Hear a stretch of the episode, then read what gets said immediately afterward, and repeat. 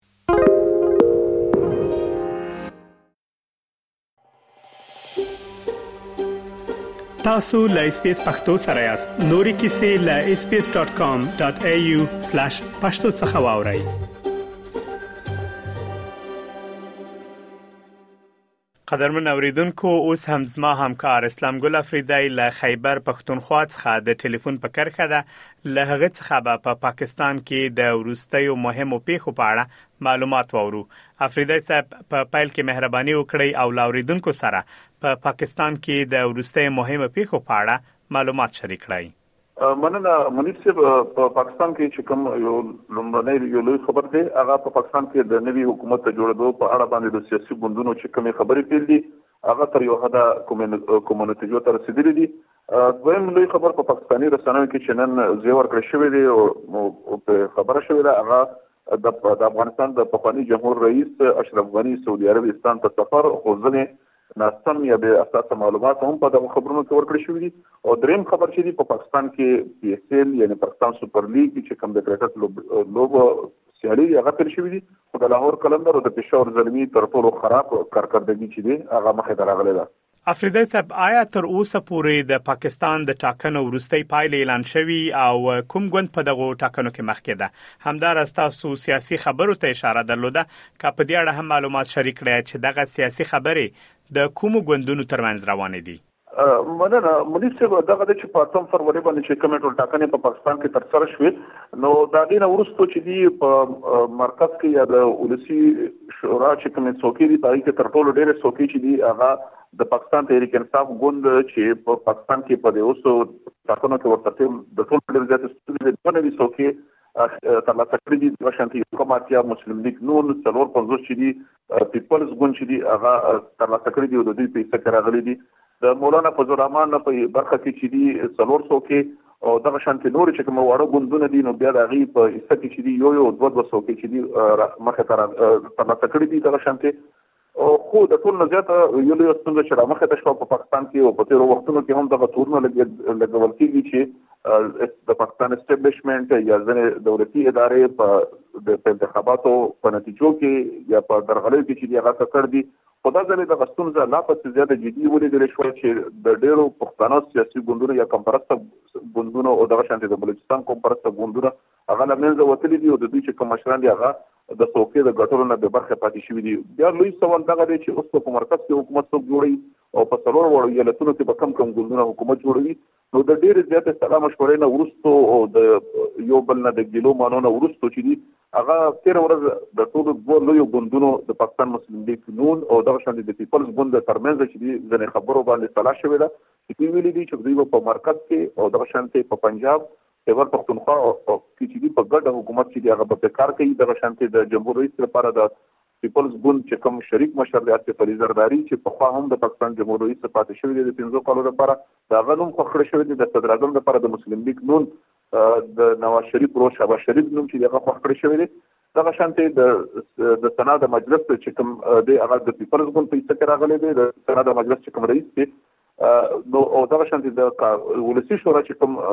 دغه د سپیکر د دغه د پاکستان مسلم لیګ نوم په څیر راغلی دی او دا شان ته په منځ کې نور وزارتونه چې دي او په ایالتونو کې هم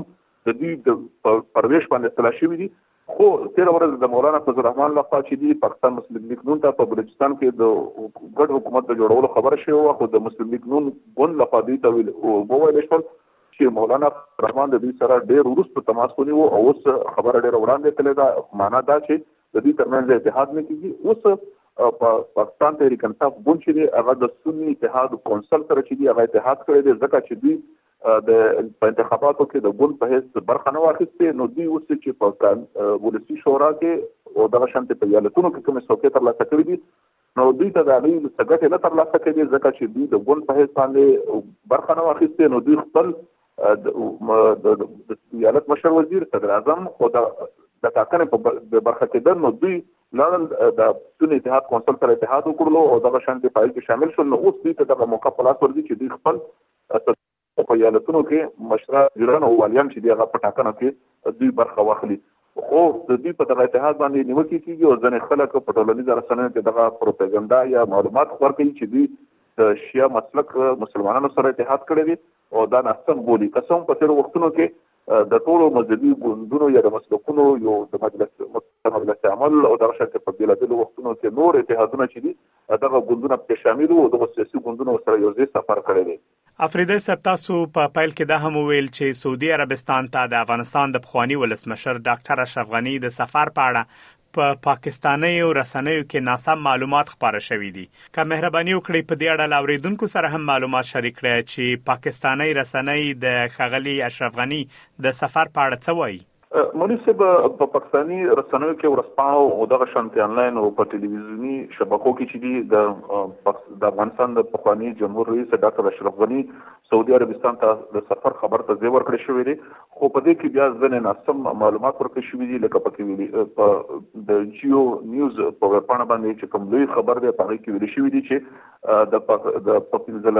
15 اگست 2021 کې د افغانستان نه تښتېدلې د افغان جمهور رئیس په سعودي عربستان کې په لومړي ځل لیدل شوې دي او دغه شانتې په دغه خبر کې وړاندې لیکل شوې دي چې یو سل او یو کم او یا میلیون ډالر دوی د افغانستان د کمی خزانه څخه متحده عرب اماراتو ته انتقال کړی دی او پر دوی دغه تور دی او دا شانت نور دغه شانت الزامات چې دوی ویل دي چې دا په لومړي ځل باندې د تختیدو وروسته دوی په لومړي ځل باندې رسنیو ته یا په ویډیو چې دی لیدل شوې ده او خبر شوې ده که څه هم د دې نه وړاندې هم اشرف غني څو څو وارې چې دی د اختر په پیغامونو کې د شانتي په ځینې مرکو کې چې دی خپل دریز هم وړاندې کړی دی د افغانستان د ورستیو حالاتو په اړه باندې او دغه شانتي نور معلوماتونه او مرکې او یا سزونه یا عکسونه هم چې دی په رسنیو کې وړاندې مخه تراغلي دي خو په دغه کم خبرونه چې مخه ترغلي دي یا کوم خبرونه ګورو هغه د یو تعصب په نظر باندې د ته قتل کیږي چې دغه خبر کې ډېر بیا اساس معلومات ورکړي شوی دي او په دې باندې تور ځنې تورونه لګول شوی دي مننه افریدی صاحب تاسو د پاکستان سوپر لیګ یا پی اس ال لوبو ته هم اشاره درلوده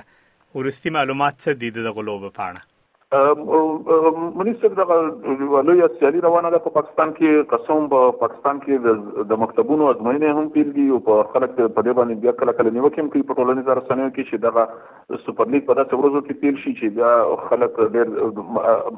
زده کوونکي چې دي هغه بیا ډېر وخت چې دي لوبو کتو له ورکوي هغه یو ځان له موضوع ده خو ورسره اوس په موږ دې ته راشو چې دا اوس کوم لوبې تر اوسه پورې شوي دي نو په هغې کې تر ټولو زیاته خرابه کرکردګي چې دي هغه د لاهور کلندر ده چې درې میچونه یې کړي دي او درې واړه یې بېللي دي، پېښور زلمي دوه میچونه کړي دي دواړه یې بېللي دي. دغه شانتې د ټولو نه په ښه پوزیشن کې چې دي ملتان سلطان چې دي درې میچونه کړي دي او درې واړه یې ګټلي دي، کویټه ګلیډیټرز چې دي دوه میچونه کړي دي او دوه یې ګټلي دي، اسلام اباد یونایټډ دوه میچونه کړي دي یو یې بېللی دی یو یې ګټلی دی. او دا شانت کراچي کینګز چې دی هغه دوه میچونه کړی دي یو یې بللې دي او یو یې ګټلې دي او دا شانت نن به چې دی د کوټا ګلیډیټرز او د اسلام آباد یونایټډ ترمنځ چې دی لوب کیږي خو د لاهور کلندر او د پېښور زلمی چې دی په دغه کارکردګي باندې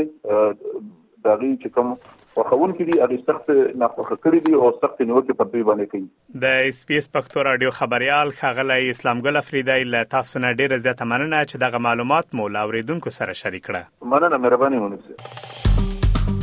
که غواړئ دغه سنوري کیسې هم او رینو د خپل پودکاسټ ګوګل پودکاسټ یا هم د خپل خاكي پر پودکاسټ یو اورئ